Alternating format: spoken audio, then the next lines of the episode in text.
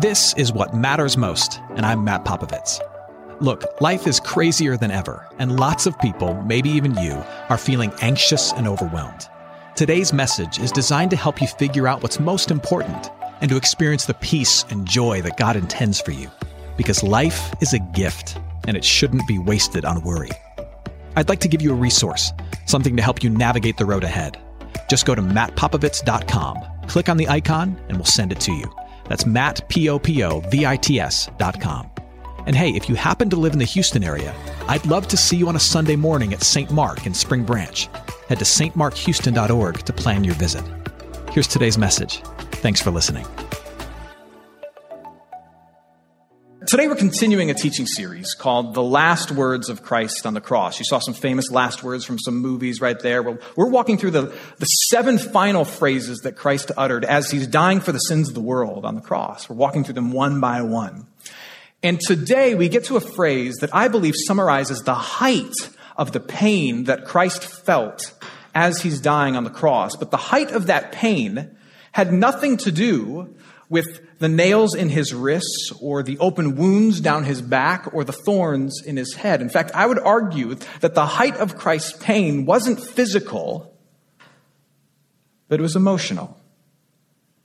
If you have a Bible, take it out and turn with me to Matthew chapter 27, starting at verse 45. Matthew 27, starting at verse 45. Uh, while you get there, I want to share something with you. Uh, think back to the, uh, the root canal that you had so many years ago, or the finger that you slammed the door, and try to remember that pain. Try to remember the feeling of that pain. Perhaps, in all likelihood, what you can remember is that it hurt a lot. But the feeling of pain doesn't remain. Now, think back to that girl who broke up with you in high school that you were really into. Or think back to when that favorite teacher of yours expressed their disappointment in you. Think back about that. Reminisce about that. And what happens? Feelings, hurt, pain all come back. When it comes to rejection and loneliness, the pain that we feel from those things is so visceral. It's so real. And we can conjure it up incredibly quickly. It's very vivid. And if you ask any expert, what they'll tell you is that the consensus is this rejection, isolation, and loneliness, they represent the height of human suffering. More than physical pain. Now, some of you know this all too well. You hear me say that rejection and isolation is the height of human pain, and you nod your head because you know what it feels like to be alone, or you know what it feels like to have someone that you love push away. You know that pain. And if you know that pain, take that understanding. And now let's read again the words of Jesus as he's suffering on the cross. And listen to this. Starting at verse 45. Now from the sixth hour, noon, there was darkness over all the land until the ninth hour, 3 p.m. And about the ninth hour, Jesus cried out with a loud voice, saying, Eli, Eli, lama sabachthani. That is, my God, my God, why have you what? forsaken me. This is Jesus enduring isolation and rejection. Not from a, a social experiment by a bunch of um, crazy PhDs, or from a clique at work that is formed that he's no longer part of the cool kid club. But this is Jesus experiencing rejection and isolation from whom? From God the Father. Uh, who are you most closely connected to? Now imagine this person that you are so intimately connected to. Imagine this person walking away from you, washing their hands of you, severing ties with you. It's a horrible idea, isn't it? And then now we can try to conceive part of the gut wrenching pain of Christ as he's on the cross and he says, My God, why have you forsaken, turned your back on, rejected me? Uh, what Christians believe, and this may seem like a crazy thought to you, but, but this is what the scriptures lead us to, and what the Holy Spirit stirs up in us. This is what we believe. We believe that God is one, that there is one God. Yet within this reality of God, who is one, there are three distinct persons Father, Son, Holy Spirit. This is what he tells us. And that those three persons, though it's one God, are intimately tied together. And that the Son took on flesh, born into this world, walks among us, lives as one of us to teach us, to lead us, to die and rise for us. And so you have this, this one member of the Trinity, this one aspect carrying the fullness of the Godhead in flesh in this earth. He's suffocating, he's bleeding, he's being spit upon, he's tied to a cross, nailed to a cross, and every molecule of his body is crying out to be rescued and relieved. And this is, this is a man, Jesus Christ, who spent his entire ministry prior to being arrested and pinned to a cross saying, I and the Father are one. No one comes to the Father except through me. In other words, he's saying, you have no idea how intimately connected I am with God. I am God. We are one. You think you're close to your spouse. You think you're close to your sister. You think you're close to your best friend. You don't know close. We are close. And then this man, Jesus, who said that, who's revealed that to us, he's hanging on a cross, and in this moment it hits him that the Father he is one with is no longer looking upon him. But in his moment of greatest pain, has turned his back on him. Isn't coming to help him and rescue him. But has said, I don't know you, and has left him there to die. This is the height of the hurt that Jesus feels. It's not the nails. It's the rejection of the Father.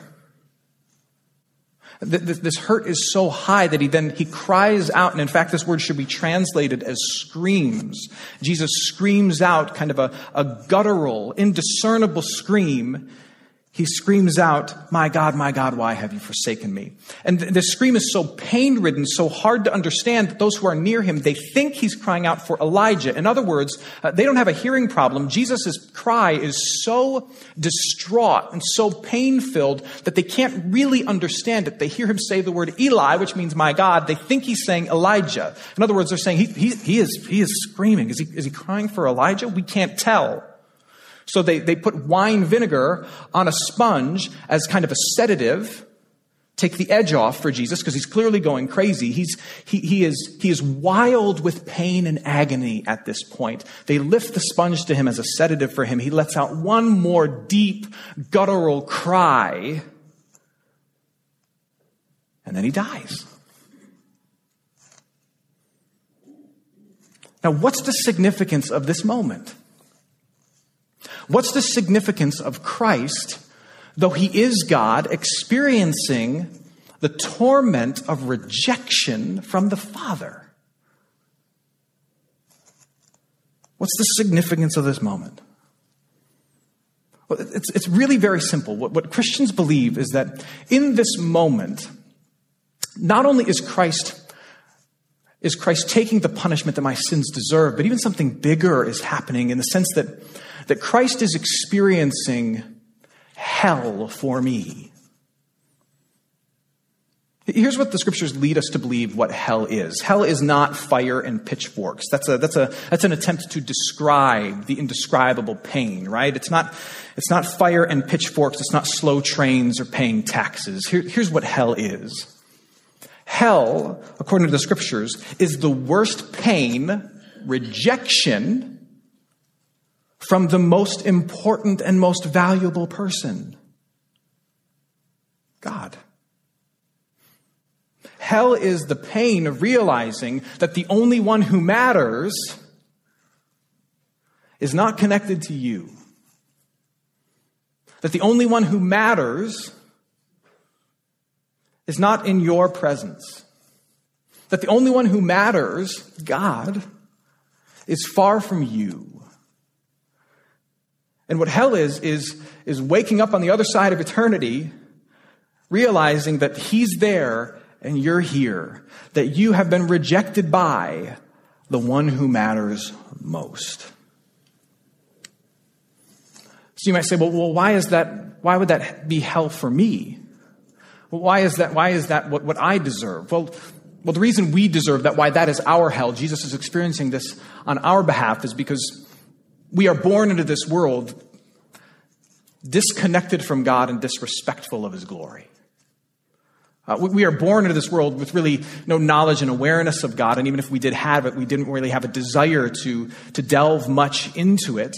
We're disconnected from Him. We're essentially strangers to Him. And what do you do to strangers? If you're in New York, put your earbuds in and you ignore them, right? That's what we do to strangers. But we're also disrespectful. I mean, God is perfect. We're not. Um, God has a path for us to walk. We, we choose a different one. God is clearly king. We bow to other things. Uh, God is a, a faithful groom. We are an unfaithful bride. I could go on and on and on. God has every right to refuse me because I'm born into this world disconnected from him and disrespectful of him. I mean, if God does exist, I don't spend much time thinking about him. That's my natural state as I enter this world. And you see, sometimes rejection, though always painful for the person who's being rejected, sometimes rejection is appropriate. For example, if there's an abusive person in your life, who refuses to accept the standards of a healthy, appropriate relationship, and you set that standard clearly, and they keep butting up against it and abusing it and abusing it and abusing it and harming you, then you have every right, in fact, responsibility to pull away from that person, to turn away from that person, so that they no longer have the opportunity to sin against you, and you no longer have to endure their suffering. Rejection takes place. They refuse to accept the demands of a healthy relationship, and so you turn your back on them, and the hope is that their hearts might be broken and their eyes open, and they might return to you ready to be restored. That is essentially our situation with God. Apart from some kind of intervention, we are simply disrespectful strangers. He makes his presence known in creation. He ingrains the truth of his existence into our hearts and our morality, yet we reject it. And so he has every right to push us away.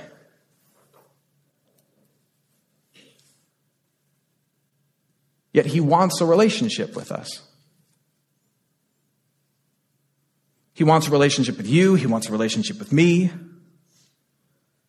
And so rather than reject us and rightfully walk away from us and, and, allow us to live in this life and in the next one apart from Him with a deep regret that we don't know Him and aren't connected to Him, rather than, rather than reject us, He takes all of that rejection and He lays it upon who?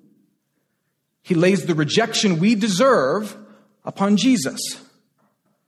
So Jesus gets the rejection from the Father that, that belongs to me, and I get the, the relationship and the restoration that Jesus has earned. There's a trade that takes place. Jesus gets the rejection from the divine that I deserve, and I get the right relationship with the Father that Jesus has. Jesus gets my rejection. He experiences my hell on the cross so that through faith in Christ, I might receive Jesus' relationship with the Father. Tracking with me? Now, now, here's why this is important. Because this is not only the matter in which we are made right with God and how we are saved, this is also how, as followers of Jesus, we stay sane. This is not just how we get saved, that, that there's a transaction that's been made, that Jesus gets my rejection and I get his right relationship. This is not just how we get saved, this is how we stay sane. Because here's what I know. There will come a point, if there has not multiple times already for you, where you will find yourself saying the exact same words of Jesus on the cross My God, where are you? Why have you turned your back on me? Why have you left me behind? Why have you rejected me? Why are you ignoring me? Why? There will be a moment when tragedy strikes, and tragedy strikes all the time. There will be a moment when your prayer or my prayer seems unanswered, and we forget that sometimes no is an answer. There will be a moment when your enemy prospers and it kills you. There will be a time when the money runs out or the job opportunity does not come. And our, our, our, our, instinct instantly is to say, Well, where are you? Here I am on my cross, and you're turning your back on me. Why have you forsaken me? When you lose that job or tragedy strikes, all of a sudden the logic of God's love goes out the window and we forget. We forget that maybe, even though I'm experiencing pain, that there's a grand plan God is working. We forget that he says, I'm the father, you're the toddler. And it's difficult for the toddler to grasp the greater good amidst the temporary bad. We get amnesia about his promises where he says, I'm never going to leave you. I'm never going to forsake you. You will have trouble in this world, but I'm not going anywhere. I'm there in the trouble. We forget that God does not punish his children who have faith in his son. He does not punish us. He does not punish us. Now, does he allow us to walk through trials? Will he let us walk through trials that discipline us and, and refine us and mature us? Yes. All of that goes out the window, and we say, Where are you? You're rejecting me, and none of the logic of God's love can apply. And we find ourselves in this place where we say, Why have you forsaken me? And that's why this moment, these words of Jesus are so important, because he's not only accomplishing something for your salvation, but he's giving you something to help you stay sane in those moments. Here's what we know God is not rejecting you. God is not forsaking you. He has not forgotten you. I know that you've not been a good person. I know that you've not prayed enough. Neither have I. I know that if this were a karmic scale, it'd be weighed in the wrong direction. I know all of that, but that's not how God works. I know that you deserve to be rejected. So do I, but that's not how God works. What God has done is he has rejected Christ so that he might simply accept you. When we are feeling as though we've been rejected and forgotten by God, what faith tells us is no. Christ was rejected. He experienced that hell for me so that I might know that I am still beloved and belong to Him. Hey, friends, it's Pastor Matt. Easter is almost here. Can you believe it? And I'm inviting you to join us in person at St. Mark Houston or online at easterforhouston.com. Whether you join us at our campus in Spring Branch or stream our celebration to your couch, you'll find great music, a message that makes sense, and something special for the kids. For more info, head to easterforhouston.com. It's a celebration for the whole city from your friends at St. Mark Houston. That's easterforhouston.com. Jesus quotes the words of Psalm 22 because he knows that that psalm that King David wrote about this, this about himself who was feeling forgotten and, and attacked by outsiders. Uh, that when David wrote this psalm, it was ultimately looking forward to what Jesus would do, about how he would be rejected, and through his rejection, he would redeem and love and save the world. So Jesus quotes that psalm. He quotes the first part. He says, My God, my God, why have you forsaken me? Those are the words of David. It's as if Jesus was saying, Everything that David's psalm points to, I am. This is that moment where through my rejection, no one else will ever experience the rejection of God because I'm taking it on for every everybody. But apart from the prophetic fulfillment of that verse, I, I think of David writing that and the place he must have been in where, as he's writing that, though it points to the future, he's writing about his present and where he must have been to write, My God, why are you forsaking me? And yet, the next psalm that he writes, what psalm comes after Psalm 22? Psalm 23.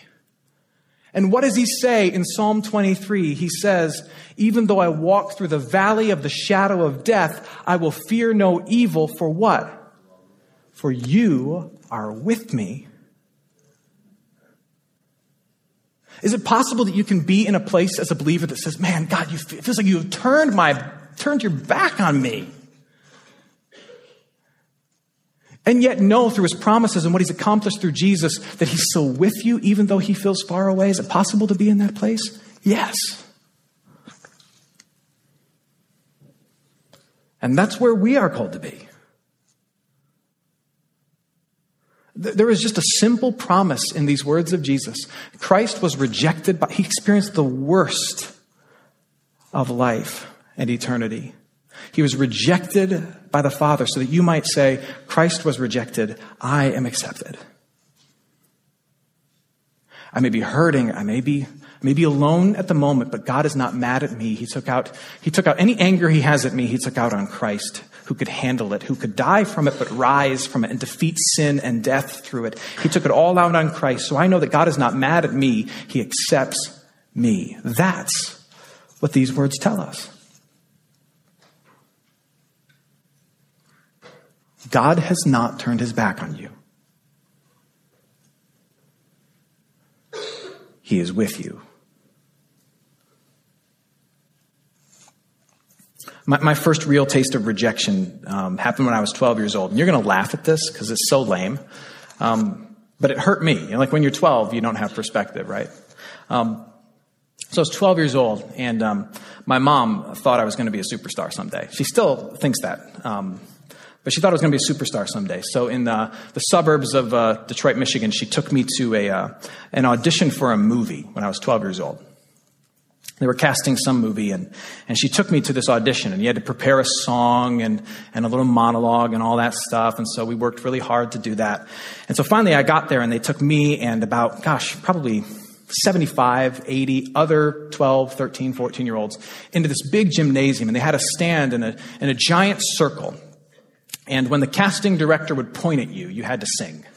So the casting director was standing in the middle of this giant circle of kids, and she would walk up and she would just point at you, and you had to sing, start singing, and then she'd say, Stop. And then she would say to you either, Stay or leave.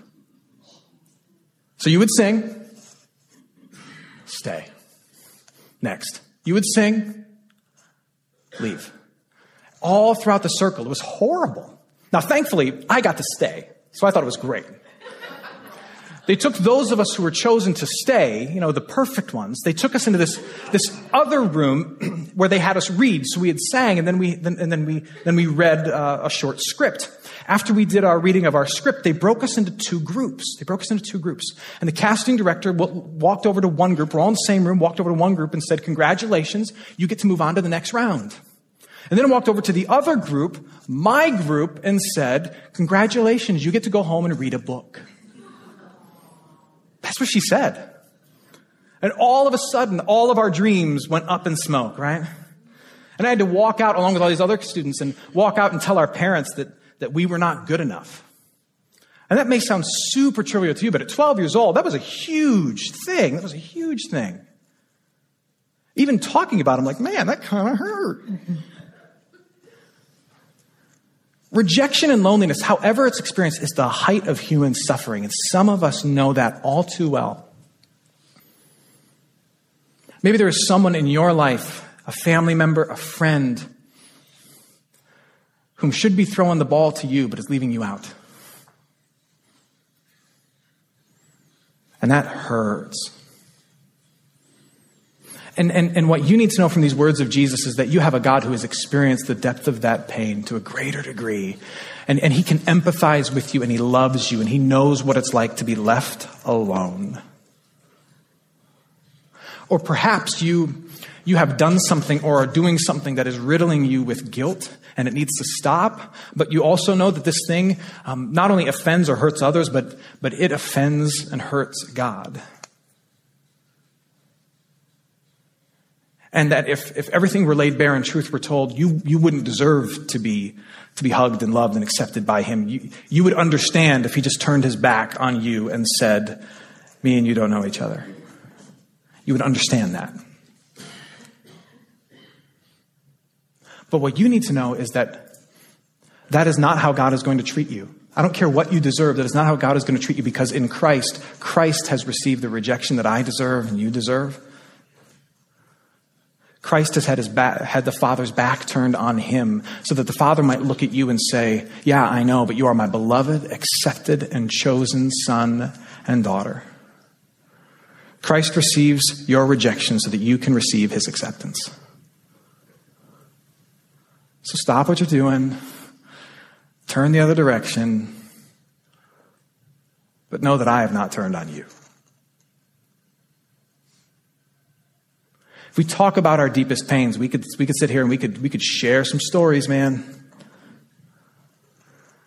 We could compare some significant scars.